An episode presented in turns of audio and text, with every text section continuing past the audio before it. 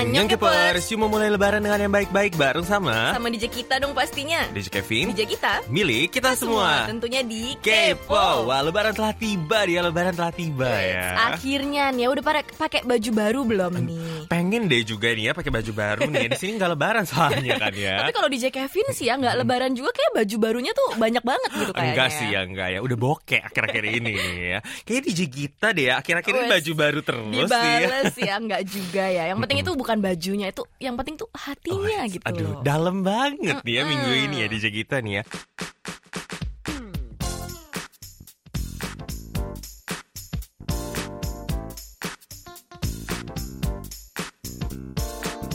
Kupas tuntas berita terbaru Bareng sama DJ kita di Info Celebrities. Celebrities Seungri Big Bang diangkat menjadi CEO YGX. YGX ini sendiri merupakan label bawahan dari YG Entertainment dan akan mendukung bidang DJ yang sedang Seungri lakukan, baik di dalam maupun di luar negeri, dan akan juga mencoba kolaborasi dengan artis YG Entertainment lainnya. Aktor Oh Man Sok menyatakan bahwa ia telah menikah di awal tahun ini.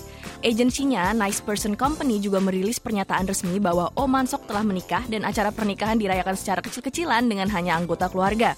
Sang istri bukan dari kalangan selebritis, sehingga mereka harus berhati-hati dalam memberitakan hubungan mereka. Selamat ya!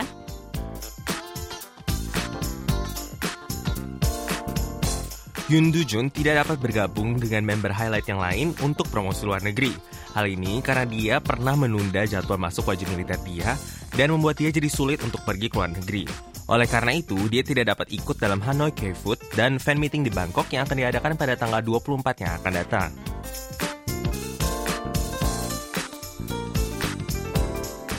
Aktris Cho Jahyun sempat membuat heboh dengan kondisinya setelah melahirkan. Setelah melahirkan anak laki-laki tanggal 1 Juni kemarin, kondisinya tiba-tiba memburuk dan harus dipindahkan ke unit gawat darurat dan dibantu pernapasan dengan respirator oksigen. Untungnya tanggal 12 Juni yang lalu dia telah keluar dari rumah sakit dengan keadaan yang sehat. Tiffany telah resmi bergabung dengan Paradigm Talent Agency.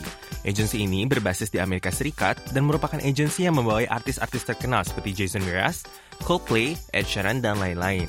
Dia akan beraktivitas dengan nama Tiffany Young dan rencananya solo album dia berjudul Over My Skin akan dirilis tanggal 28 Juni yang akan datang lewat Amazon Music.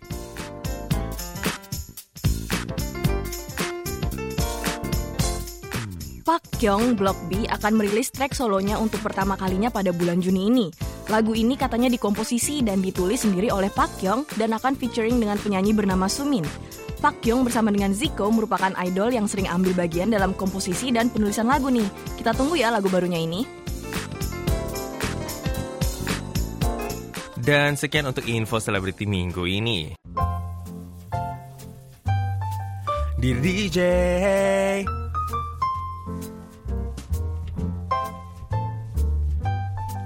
Dear DJ. Hari ini panjang banget gitu ya. Endingnya mesti DJ. panjang gitu, iya. Mesti kalian ada vibranya sekalian Oh. harusnya nih ya. anyway dia untuk dir DJ minggu ini nih ya. Bentar akhir-akhir ini kenapa ya dir DJ sangat seret ya kayak jadi ya. Enggak ada yang kok ini dong. ngirim nih ya. Mm, masa kalian nggak mau dapet hadiah sih? Ya boleh lah ya lagi lebaran lagi mau Ah, merayakan iya. gitu ya. Boleh lah absen untuk minggu ini nih ya. Mm, Tapi, minggu, depan, harus rajin lagi loh guys. Makanya nih ya. Oke langsung aja kita bacain yang pertama nih. Ada dari Kanti Rizky Mulyantari. Yang pertama dan terakhir sih. Sorry. nah Ini bener pada mudik semua ya kayaknya. Iya ya. kayaknya nih ya oke Nah langsung aja kita baca deh Ada dari nih Diri DJ Hai DJ Bagaimana kabarnya Semoga selalu sehat ya Amin, ya Amin. Nah kalau dapat kesempatan untuk keluar negeri gratis Negeri mana yang pengen banget DJ kunjungin Dan apa alasan DJ pengen banget ke negeri itu nih ya Salam hangat buat semua kru tim siaran KBS World Radio Indonesia Service nih ya Terima kasih DJ nih Sami, Hmm. sami.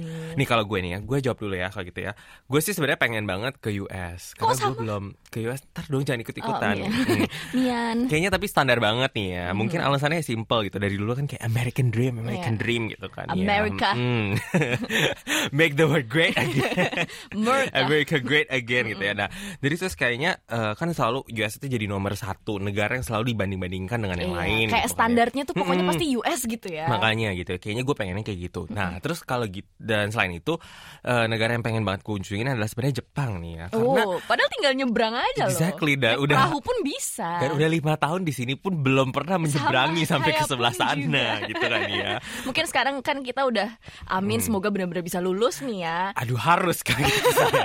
Harus ya. Ya mungkin kita bisa eh, ke Jepang gitu kalau Ya, kita sudah lulus. Iya makanya nih ya, nanti uh, kumpulin duit yang banyak gitu kan ya. Iya. Kayaknya pengen banget kita cari tahu tuh ya, perbedaan Jepang sama Korea apa sih gitu kan ya. Oh. Dan kita kan lagi deket di sini kalau dari Indonesia kan jauh gitu ya ke Jepang kan ya. Kalau dari Korea kayak tadi lo bilang tinggal melewati doang Iya, nyebrang doang heeh, gitu kan ya. banget. Mm-mm. Eh, tiket pesawatnya pun kalau dari Korea nggak begitu mahalnya Mm, gitu murah kan. gitu kan ya. Nah kalau DJ kita sendiri mau ke mana aja nih? ini agak bosan ya memang jawabannya. Cuman gue pun juga ingin ke US gitu loh. Eh, pastinya pengen ke negara-negara kayak Eropa, kayak Inggris gitu, Swiss, Mm-mm. Norwegia, negara-negara yang Satu banyak aja banyak mau deh dia. negara-negara yang kayak Sound of Music gitu loh, yang Oh. ladang hijau di mana-mana. Oh. Kalau lu lebih pengennya kayak gitu ya? Iya, cuman tapi sebelum ke negara-negara seperti itu, gue pun juga pengen ke US, kayak ke New Hmm. York atau ke LA yang mainstream mainstream dulu gitu, baru ke negara-negara yang The Sound of Music. gitu. Sama sih gue juga mikirnya gitu sih. Ka- tapi kalau gue jujur gue itu kalau lebih suka sama yang kayak kota-kota gitu loh, yang Wits. lebih modern-modern gitu ya. Iya, kalau DJ Kevin memang kayak gitu ya. Hmm, udah mungkin gue belum mau yang kayak ke Eropa yang mencari nature gitu-gitu Oh, belum. Gue pengen gue. banget The Sound Oh, of gitu ya. Music. Mungkin kalau ber- eh, makin tua kayaknya pengennya yang kayak ke nature-nature Mungkin gitu iya. kali Jadi ya. kayak ladang hijau ada rumah satu doang gitu yang kayak di itu loh desktop desktop background desktop Windows gitu. nah tapi tapi nih ya sebenarnya kalau gue pikir-pikir lagi nih ya banyak banget juga yang pengen gue kunjungi di Indonesia sendiri. oh bener sebenarnya.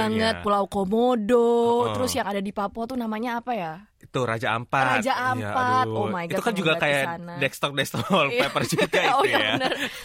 Tapi katanya denger-denger ma- tiket pesawat dari Indonesia ke Korea dengan tiket pesawat dari misalnya Jakarta ke Raja Ampat lebih mahal. nggak beda jauh gitu, malah mungkin lebih mahal gitu Iya, ya. katanya sih kayak gitu nih. Makanya kita tuh mesti kumpulin duit yang banyak-banyak. Bener gitu ya. banget. Tapi memang bener juga kata DJ Kevin, Mm-mm. em, negara di negara Indonesia pun banyak banget yang masih belum Bener yang yang belum kita kunjungi yang indah-indah banget gitu Yoi, kan. dan bahkan tuh sebenarnya nggak mengalahkan dari luar negeri sendiri nih ya. Exactly. Jadi cintailah negeri kita sendiri. Ah, ya. bener banget. Setuju tapi ini bukan tagline atau promosi, cuma setuju banget sih. Wonderful Indonesia. Wonderful ya. Indonesia. Boleh nanti dihubungin aja ya kalau mau Iya. kita dipromosiin. Kalau mau kita endorse, Yo, dan gitu nih ya jawaban dari kita nih ya berdua nih ya untuk nanti nih ya. Dan seperti tadi sudah dibilang, ini merupakan komen pertama dan terakhir untuk minggu ini ya. sedih banget ya kita kayaknya hari ini ya. Kayak pada mudik semua sih. Ya dan sekian untuk diri DJ minggu ini ya. Jangan lupa untuk berpartisipasi minggu depan yang banyak ya guys. Kan Mm. udah pada pulang mudik semua. Ayolah kirim. eh, Kayaknya ke kita selalu ngomong jangan lupa malah lupa semuanya Iya. ya. harus nih ya, harus bukan jangan lupa harus. Mm. Dan kita tunggu banget nih ya cerita-cerita menarik dari para kepor semua. Mm. Kirim email lewat email kita di indonesia@kbs.co.kr dan lewat Facebook message kita juga. Mungkin aja kan nulis emailnya salah gitu. Yoi. Indonesia at kbs.co.kr bukan .com atau apa gitu. Tapi misalnya gini, misalnya kan eh, banyak juga yang kayak males gak sih lewat email gitu, mesti buka komputer let's say gitu kan ya. Mungkin dari kalian juga banyak yang awam gitu kan ya, dari handphone mereka untuk ngirim email gitu Iya, kan. bener-bener. Jadi bisa banget, yang pasti semua pasti pakai Facebook dong ya, Mm-mm, literally siapa yang gitu kan ya. Gitu? Heeh, jadi Facebook message bisa langsung aja gitu ke kita nih. ya. Kalau misalnya ada kan yang kalau ditanya-tanya kan ya. Mm-mm. Nah, kemudian untuk laporan penerimaan siaran untuk minggu ini ya, kita baca ini ada dari Basit Hazibuan ya, melalui smartphone tanggal 13 Juni 2018 jam 8 sampai jam 9 malam, sinfonya 55555. Kayaknya maksudnya melalui aplikasi KBS World Radio nih ya. Eh, komennya nih ya, Ais bersama DJ B nih ya. Pemilu dengan janji-janji unik, calon kandidat lucu banget dengan sarapan gratis lah, mengubah seragam sekolah dan lain-lain ya. Eh, dan ada juga kampus yang unik yang bisa menjadi objek wisata di Korea DJ. Saya juga pengen tuh jalan-jalan ke Universitas Daegu. Kalau ke sana kita janjian yuk DJ. Boleh gitu. banget ya. Dan kemudian ada nih ya, cerita berbagi rambut bagi saya mengharukan sekali ya. Mulia sekali atas inisiatif banyak masyarakat Korea nih ya. Uh. Hmm. Dan sekian untuk laporan penerimaan siaran minggu ini.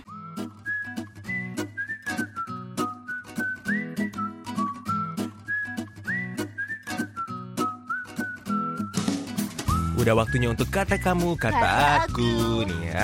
Nah, topik untuk minggu ini nih ya. Yes. Kita udah tanya kan lewat Facebook nih ya. Satu hal yang paling kalian nantikan di hari raya lebaran ini tuh apa nih ya? Apa ya? Misalnya kayak hari raya yang paling kalian nanti nantikan tuh apa nih? Mungkin makanannya, mungkin dapat amplopnya, Amplopnya. mungkin ketemu saudara-saudaranya gitu kan. Pasti kan semua pasti beda-beda kan ya. Jadi penasaran gitu kan ya. Nah langsung aja kita bacain yang pertama ada dari Retno Palupi ya. Kalau aku ya pas takbir keliling kampung sambil bawa oncor atau obor ya. Uh. Dulu katanya, sekarang sih bawa lampion ya. Ah. Nah terus kumpul di masjid soalnya ada pengundian nomor door prize takbir keliling, wow ya. Uh. Hadiahnya nggak penting sih, tapi kumpul-kumpulnya sama teman dan keluarga itu asik dan rame nih ya. Mm. Dan pasti undian pasti emang penting sekali sih. ya. Ditunggu-tunggu kayaknya dapat nih dapat ya. hadiah gitu kan, siapa Mm-mm. tahu untung. Dan yang kedua ada dari Aprilia E Putri. Halo DJ, apa kabarnya ya? Baik, ya. Kalau waktu masih kecil yang dinantikan pas lebaran ya duit fitranya DJ. Nah, bener kan ada Bener, ternyata yang ya. menunggu seperti Mm-mm. ini kan. Dan Mm-mm. karena di hari itu kita seperti menadak kaya dan bebas mau beli apa aja. Kalau dulu suka saya belikan baju, dompet, tas dan lain-lain. Sekarang sudah beda yang ditunggu itu gimana semaraknya dan kebersamaannya kumpul keluarga. Kadang juga suka sedih sih kalau ditanya kapan menikah atau udah ada calon belum. Walau gitu saya senang aja yang penting kumpul dan makan bareng katanya gitu. Hmm, ini kan banyak nih ya kayak pasti gitu kan ditanya-tanyain kapan nikah udah ada calon belum gitu kan ya. Gue cuma mungkin eh, dari para pendengar ini mungkin ada yang udah punya calon dan menunggu ditanya seperti itu. Kapan nikah udah punya calon belum? Oh udah gitu kan ya di, di setiap tahun ditanyain kayak gitu sebel. Mungkin tahun ini kalian jadi kayak semangat Iya, gitu ya pengen gitu. ditanyain kayak gitu. Ask gitu ya. me, tanya saya gitu. Gue udah punya gitu. ya. Tapi gue nggak tahu kenapa ini tradisi tradisinya tuh mulai dari kapan sih ya orang-orang Indonesia kalau kumpul-kumpul keluarga pasti selalu nanya-nanya seperti ini.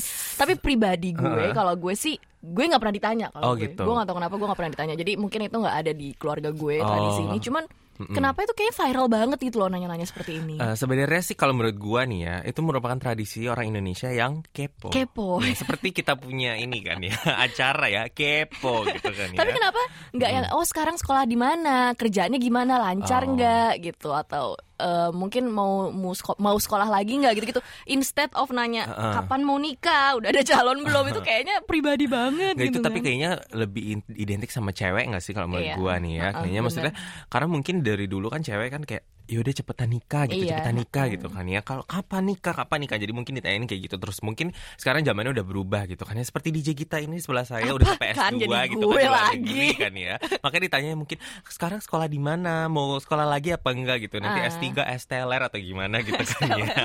Mm-mm. Langsung aja kita bacain kemudian ya ada dari Resti nih ya. Yang paling aku nantikan di hari lebaran itu kumpul keluarga besar nih DJ ya. Hmm, bener-bener. Berkunjung ke rumah saudara dan bisa makan kue-kue sepuasnya karena dia sediain gratis nih ya. Mm-mm. Kemudian apalagi pas mau pulang pasti dikasih uang.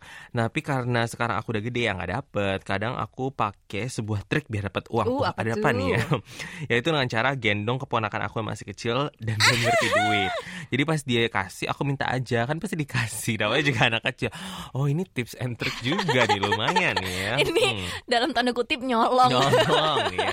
Nyolong tapi secara baik-baik diminta Secara baik-baik kan. iya Minta. boleh nggak Uh-uh, gitu dikasih kan, ya Dikasih, udah. soalnya anak kecil apaan nih kertas doang gitu kan paling nggak salah sih Nggak salah, salah, mm, Mm. bener. tapi itu ya kalau misalnya ngomong soal kue sepuas-puasnya itu hati-hati loh ya Hati-hati. Ini eh, anak di sebelah saya dalam dua hari apa ya? Dalam enggak enggak enggak dua hari juga lah dalam seminggu lah ya. Udah Iya. naik 7 kilo loh. dari selama ini dua Jadi dia Dua bulan. terus guys. dua bulan bersusah payah mengurangi itu ya berat badan akhirnya naik lagi Tiba-tiba naik ya. lagi. Nggak apa-apa Mm. malah DJ Kevin sekarang kelihatan lebih sehat ya. Menurut abis ini gue. bakal dikurangin lagi kok, tenang aja Enggak, ya. segini udah cukup kok. Jangan apa namanya bikin diri sendiri menderita gitu loh. Oke. Udah sehat sekarang DJ Kevin. Dan selanjutnya dari Aletia Sugiharto Wijaya, apa yang aku nantikan adalah rendang. Yes, Oh no, please saya ya. juga mau. Ini makanan nggak boleh ketinggalan banget nih ya, apalagi ketupat. nih. Ketupat Mm-mm. ya. ketupat. Walau ada tradisi di desaku makan ketupatnya seminggu setelah Lebaran, oke kami sekeluarga eh, memilih makan ketupat dan makanan spesial lainnya di hari Lebaran itu juga. Aku paling benci petasan nih. Hmm. Tapi kalau nggak rame petasan nggak bakal seru Betul. kan? Bener banget. Sayangnya cuma ngotori- ngotorin jalan dan itu agak membuatku risih. Kalau lebaran juga hal yang aku tunggu itu adalah tentunya amplop. Kok sama Nah, semua kayak DJ kan. Kevin ya? Kan tadi udah bilang amplop nih ya. Nah, terus habis itu gue bacain ya. Amplop berisi seikhlasnya. Lalu icip-icip isi kaleng makanan rumah atau kaleng rumah-rumah yang lagi didatengin ya. Sanak saudara saling berkunjung nih ya. Mau yang lain dari cucu, menantu, mertua, buyut semuanya pokoknya rame banget kalau ketemu nih ya. Pintu rumah ada yang terbuka dan ada yang tertutup. Kalau pintunya ketutup nggak dikunjungi atau besok aja nih ya. Pokoknya lebaran emang rame. Mhm. Tapi lihat lebaran ini kayaknya bakal lebih rame sama petasan ya. Oh. Satu yang dia benci malah nih ya, mau petasan nih ya. Tapi eh, apa namanya? Bokap gue, papa Mm. gue juga suka banget loh sebenarnya main petasan. Iya. Tapi sekarang udah enggak sih karena janganlah jangan Oh, main gitu. petasan gitu. Kalau gue sih sekeluarga dari dulu nggak main yang kayak gitu-gituan kita. Oh. Kita calm down gitu. Di dalam aja menikmati terserah orang-orang di luar pakai petasan-petasan kita cuma menikmati luar, aja gitu. gitu. Eh. Tapi memang sih ya, kayak kalau lebaran di Indonesia kan heboh gitu ya, semangat banget semua orang kayak oh kita mau lebaran gitu kan. Kita- Trompet. Mm-mm, kita di sini tuh selalu pas lagi lebaran itu biasanya nggak kena liburan juga nih Iya. ya. Jadi nggak bisa merayakan itu. Udah lama juga sih ya gue kayak udah udah lima tahun kali ya gue nggak merasakan lebaran yang Gue kayak sebenarnya gitu deh. nih ya di Indonesia kangen banget nih tadi dia ngomong rendang lagi ada ketupat juga Iya. nih ya makanya nih ya lama-lama kayak lupa deh ketupat tuh bentuknya gimana gitu ya. Dan selanjutnya ada dari Visti Desinta yang paling saya tunggu-tunggu yang membuat ketupat DJ Tuh kan. karena momen ini cuman terjadi saat lebaran. Hmm. Biasanya ibu or bapak saya beli daun kelapa lembaran satu ikat, terus Hmm. sambil ngobrol dan bercanda sekeluarga mengenyam ketupat. Pasti ada aja yang bikin ketawa dari obrolan itu. Ih seru banget nih kayaknya. Entah yang lupa caranya karena udah lama nggak buat ketupat atau buat mainan nostalgia dari sisa daun kelapa. Seru aja Oh. gitu DJ. Tapi ini kayak seru banget deh kayak nganyem gitu kan. Mm, mm, mm. Nah gue sih memang kan gue nggak merayakan lebaran gitu kan ya Jadi nggak pernah ngerti kalau misalnya Oh ternyata orang-orang tuh ngayam ketupatnya bareng gitu ya Sekeluarga gitu ya Tapi gue juga dulu suka sih Kayak bikin gitu dari daun kelapa doang Bikin yang kecil-kecil gitu Ketupat iseng-iseng gitu kan ya Dia ngomong Anak kepo nih ya. Buat mainan nostalgia ya Gue jadi tiba-tiba keinget gitu Masa kecil gue nih ya gue kan Jadi kita ada yang kayak gitu Kalau gue eh, eyang eyang gue itu muslim kan, Mm-mm. jadi gue sih nggak inget gue menganyam ketupat. Cuman gue kayaknya ngelihat eyang gue nganyam ketupat. Gitu. Oh gitu Mm-mm. Jadi pernah lah ya Melihat eh, terjadilah seperti itu ya Iya, kayaknya sih pernah. Jadi memorinya sudah hilang nih, hampir hilang. Nah kemudian selanjutnya nih ada dari Kuni Sanggarati nih ya. Selamat Hari Raya Idul Fitri untuk seluruh keluarga KBS Buat Indonesia dan teman-teman pendengar mohon maaf lahir batin Hmm, ya. kami juga mohon maaf lahir Hmm. batin ya. Hal yang selalu aku nantikan saat Idul Fitri adalah lebaran atau ujung-ujung alias berkunjung silaturahmi pada sesepuh keliling desa bersama teman-teman dan bertemu teman-teman yang jarang ketemu Hmm. lalu ke makam mendoakan keluarga yang telah meninggal dan pastinya foto-foto di sesi terakhir nih ya. Oh. Hmm. Dan pastinya mudik sekeluarga ke rumah nenek di Lampung nih ya dari Jogja kita nih ya. Dan semoga tahun ini bisa mudik amin. Terima kasih DJ. Kalau DJ kita kapan rencana mudik ke Indonesia nih ya. Oh. Hmm. Eh iya kalau Lampung eh, mama saya juga dari Lampung ya. Oh. Jadi dulu sih sering banget ke Lampung juga nih ya. Cuman akhir-akhir ini udah jarang sih ke Lampung soalnya udah nggak terlalu banyak keluarga yang di Lampung udah pada ke Jakarta juga Iya, nih ya. benar-benar. Hmm.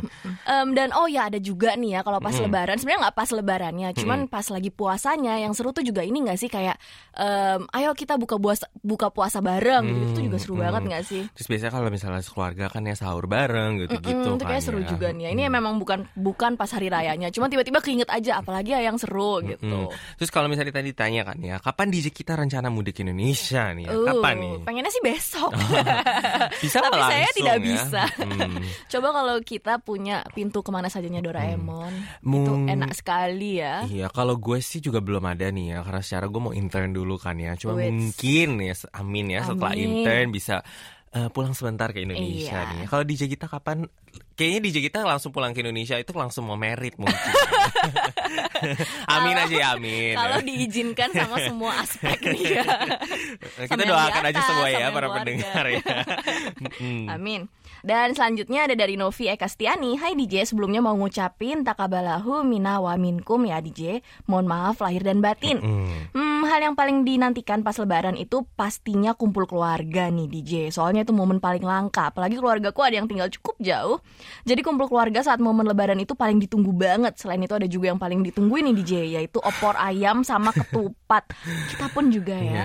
Meskipun sebetulnya bisa aja bikin masakan itu di luar momen lebaran, tapi kalau makan masakan itu pas lebaran itu kok ada yang beda ya. Pokoknya lebih nikmat gitu katanya. Ah. Setuju banget sih kayak makan opor ayam, makan rendang, makan apa pun, ayam goreng pun ya kalau dimakan pas lebaran tuh rasanya beda, Beda memang. gitu ya. Mm-mm. Kayaknya kalau mungkin ada ini ya berkumpul dengan keluarga Iya, gitu itu ya. memang momen yang paling penting sih. Mm, kayaknya kita fokusnya bukan lebih dari makanannya aja gitu, dari uh, kumpul-kumpul barengnya gitu kan ya. Seneng-senengnya, heeh, nih ya. Jadi kayak bikin itu uh, masakan kayaknya tambah lebih enak gitu Iya. kayaknya nih ya.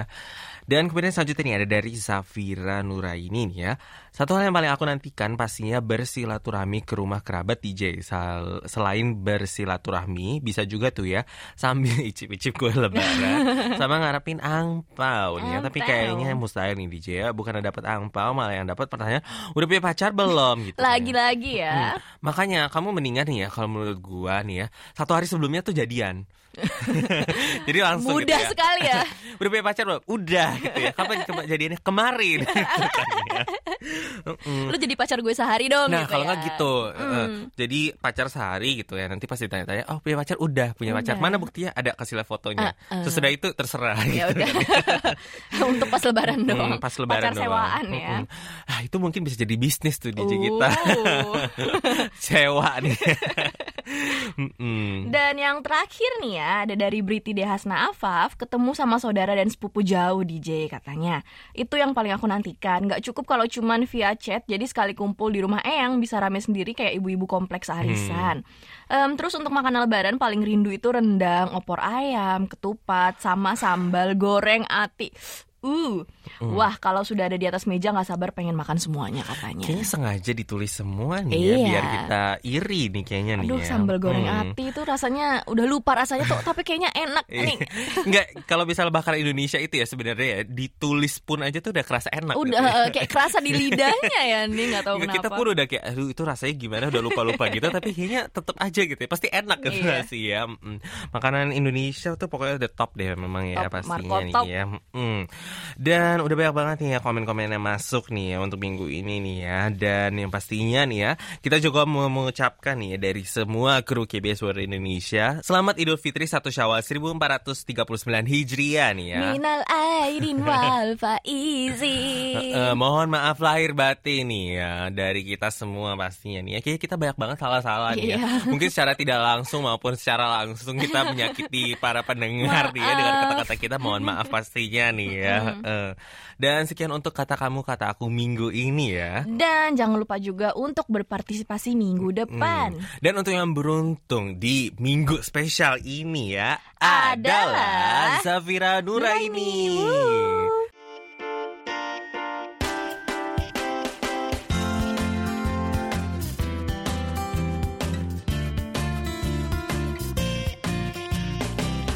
Amel Anyong. Annyeong DJ Kevin, jadi kita. Selamat Hari Raya Idul Fitri. Fales deh. Kayaknya lagunya gak kayak gitu. Iya, iya. Gue gak tau lagunya, itu nada gue sendiri, jadi gak Ini fales. by DJ Gita ya. Terima kasih deh ya. Mohon maaf lahir batin ya Git, Kev. Ya, maafin juga ya gue kalau banyak salah nih. Iya, Untuk para emang- pendengar juga nih. Oh ya. iya pendengar. Selamat Hari Raya Idul Fitri ya Iya. pendengar ya. Maaf, Oke. mohon maaf lahir dan batin ya para pendengar semua. Kayaknya kalau DJ Kevin emang harus minta maaf banyak ke gue ya. eh lu juga kayaknya mesti minta maaf sama gue banyak deh ya. Nih lagi lebaran jangan berantem dong guys, please deh. ya. Ya dibanding ribut mending dengerin gue cerita fangirling lagi aja Again. deh. yuk. Again fangirling again ya. Lebaran pun gak berhenti fangirling nih ya DJ Amel nih ya. Habis pergi ke mana nih kali ini nih Mel? Jadi dulu kan gue sempet bilang kalau misalkan SM Entertainment itu baru-baru ini meresmikan SM Town Museum. Yes. Nah baru ini gue baru sempet nih untuk berkunjung ke sana. Oh gila nih ya SM nih ya. Sekarang udah sampai Udah museum sampai punya museum aja ya. Di mana nih lokasinya nih by the way? Jadi lokasi museumnya ini ada di SM Atrium yang di Coex itu, ada di lantai tiganya. Jadi dulunya itu adalah SM Studio, cuma sekarang tuh berubah jadi SM Town Museum. Hmm, udah di upgrade nih ya ceritanya dari studio menjadi museum nih. Ada apa aja nih isi dari SM Town Museum itu tuh? Wah banyak banget jadi beneran kayak museum Jadi di ruangan pertama kita masuk itu Kita tuh bisa melihat sejarah dari SM Entertainment Entertainment. Uh. Terus sejarah dari artis-artisnya dari mulai debut hingga saat ini. Dan setiap artis tuh kayak punya zonanya sendiri gitu kayak ada Wow. kolomnya sendiri. Jadi lengkap banget kita bisa lihat CD-nya, bisa dengerin lagunya, Wow. semuanya deh pokoknya ada di Kalau situ. kayak gini pengen jadi artis gak sih? Punya zona sendiri gitu. iya dong. punya fanbase sendiri, punya zona sendiri ini luar biasa nih ya. Nah, jadi pasti ada album-album dari artisnya SM gitu nih ya. Iya dong. Jadi ada album-album, terus juga dijelaskin dijelasin gitu kayak tentang konsep album Hmm. tersebut, penciptaan lagu-lagu hit, terus behind the scene pembuatan album sampai ada sketch dari kostum performance. Oh, detail banget ya. Hmm, keren banget dan gue paling suka tuh ngeliatin kayak ada apa sih konti sketch buat MV gitu. Oh, apa ya wow. namanya sih? Ya pokoknya itulah keren banget. Mm-mm. Mm-mm. Dan seru banget nih ya kayaknya nih ya. Berarti kayak nggak behind the scene yang udah tersebar di internet, tapi kita juga bisa lihat lebih dalam lagi dari proses pembuatan albumnya tersebut sampai kayak masih sketchnya pun kita bisa betul lihat banget, nih ya. betul banget. Itu dalam banget sampai ada eh, notebook yang dipakai sama Jonghyun saat membuat lagu Wah, gitu. ini sedih Jadi nih tulisan ya. tangannya Jonghyun juga ada di situ. Ah, gue masih suka kayak kalau dengerin lagi gitu lagunya Jonghyun tuh kayak gimana dek gitu ya kayaknya ya, masih Hmm, masih ah. suka merinding apalagi itu Mm. di SM Town Museum ini juga banyak banget foto-fotonya Jonghyun Hmm. jadi setiap menit aduh sedih banget Cuma fotonya bagus cuma sedih gitu ya Hmm. rasanya gitu tapi anyway di sini tuh setiap artis juga tadi ada ruangan sendiri di mana kita bisa eh, foto AR gitu Oh. with SM artist With- ini sangat modern ya. Kalau ini wajib banget nggak sih? Mungkin semua Wajib. semua turis-turis pasti langsung ke sini nih ya untuk foto. Jadi kayak foto hologram gitu kan? Bener banget. Jadi kayak foto hologram cuma berbeda dengan foto AR di tempat-tempat lainnya. Di sini tuh fotonya sesuai konsep dari lagu si artis atau grup tersebut. Jadi kayak misalnya di bagiannya Super Junior kita bisa foto dengan konsep Mama Shita. Jadi pakai aksesoris koboi-koboi gitu. Terus sementara di Red Velvet itu konsepnya Rookie. Oh, kalau Sonyushide gitu Growth Generation konsepnya apa tuh? Itu holiday. Oh. Kalau Oh, ini gue suka banget nih lagi. Ha ha holiday, ha ha holiday. Jadi pengen holiday memang kita ya. jadi nyanyi deh ya. Pas udah holiday memang kalau di Indonesia juga Oh, kan iya, ya. banget. Hmm. Terus lanjut ada dance practice room juga Uh. di mana ada kayak kaca besar banget yang Ada biasa kita langit-langitnya gitu nggak sih yang biru-biru Eh, gitu? nggak ada. Nah, sayangnya nggak ada udah nih ya. udah modern jadi udah nggak ada si langit-langit biru Oke. itu. Jadi tuh ya seperti yang bisa kita lihat di video dance practice-nya artis-artis gitu Hmm. kan. Terus ada video-video dari audisinya member-member NCT diputarkan di situ. Terus ada saudara-saudaranya NCT jadi siapa yang keluar, siapa yang masuk gitu kan. Dan Niken langsung liar di situ. Oh, Gua ini sama bareng Niken, ya? Iya. Kesannya sama Niken nih ya, tapi pasti sih ya favoritnya Niken kan kalau nggak salah NCT kan iya, memang dia ya. suka banget sama NCT. Terus luang eh, ruangan sebelahnya adalah favorit gue nih. Apa nih? Jadi ada Lu yang liar berarti ya. gantian ya di ruangan sebelah itu ada namanya recording room Hmm. Oke. di mana kita bisa kayak sok-sokan rekaman lagu Oh. pakai alat-alat rekaman profesional terus gue sampai jadi karaokean dua lagu gitu Iya, yang ini malah nyanyi-nyanyi jadinya. nih. Nah, itu bisa direkam gitu gini. Lo nyanyi apa nih waktu itu tuh? iya bisa direkam gitu terus kita bisa dengerin suara kita sendiri Hmm. kan jadi gue nyanyiin lagunya Yesong yang It Has to Be You Oh. Cie, sama Suju yang Mary You Ini lagu zaman kita banget ya, Mary You, Iya. ya ampun. Gila ini lagunya zaman generasi kita banget ya memang nih. Tapi ketahuan banget nih di Jamal dulunya fans Suju nih ya. Pilihan lagunya juga kayak gitu kan jadul-jadul semua gitu. Ini kalau bisa dibilang udah generasi yang tua-tua, Iya, nyetuir iya, ya, tuir Bukan banget. yang zaman now. malah ya. kita tadi malah tuh gue tadinya tuh mau nyanyi DBSK yang hak itu Oh loh yang pun yes. harum Mm-mm. cuman kebangetan banget masa gue nyanyi tiga lagu tahu diri mungkin iya nggak tahu ya. diri banget ya Terus selain kayak eh, eh, apa namanya recording gitu juga ada apa lagi tuh yang seru-seru di sana? Hmm, apalagi ya jadi ada juga namanya Celeb Live Oke. di mana tuh kadang-kadang artis suka datang dan ngobrol-ngobrol di situ Ah. terus pengunjung yang beruntung bisa nontonin live-nya Wow. Nah, waktu lo ke sana ada artis gak tuh? sayangnya tidak ada Hmm. tidak beruntung ya kali ini dan terus sebelum masuk si museumnya ini juga kita tuh dikasih kartu dengan logo artis atau grup SM jadi kita bisa pilih Hmm. Sesuai yang kita inginkan Hmm, gitu Kartunya gratis nggak tuh tuh by the way? Kalau tiket masuknya museumnya pun itu berapa tuh? Iya kartunya itu gratis banget kita bisa pilih. Jadi kayak sebagai kenang-kenangan juga ya kayak kalau kita Ah. udah ke sana, kalau tiket masuknya itu harganya 18.000 ribu won. Oh. lumayan berat nih, lumayan, Lumayan mahal, mahal ya. ya. Kalau dirupiahin mahal. 200 ribuan ya. Iya, jadi ya cukup sekali-sekali aja ke sana Mm-mm. ya. Udah gitu setelah beli tiketnya kita tuh harus pilih jam berapa kita mau masuk. Oh, Ah, gitu. berarti dibatasin juga nih ya. Emangnya Mm-mm. sebanyak itu kah orang yang datang? Jadi katanya tuh pas dibuka bulan lalu sih pertama kali tuh kayak rame banget sampai ngantri orang-orang. Cuma waktu gue ke sana kemarin nggak begitu banyak orang sih, cuma ada beberapa. Mungkin karena udah malam-malam gitu gue jam tujuan gitu sih ke sananya. Gitu. Tuh nih ya. Yang pasti penasaran nih sama foto-fotonya nih ya. Dan ada dong di website kita ya. Yap dong, pastinya seperti biasa foto-fotonya bisa dilihat di world.kbs.co.kr slash Indonesian. Thank you banget ya untuk ceritanya hari ini, Mel. Sampai jumpa minggu depan ya. See you sampai ketemu minggu depan ya Kepers untuk kamu dari Korea.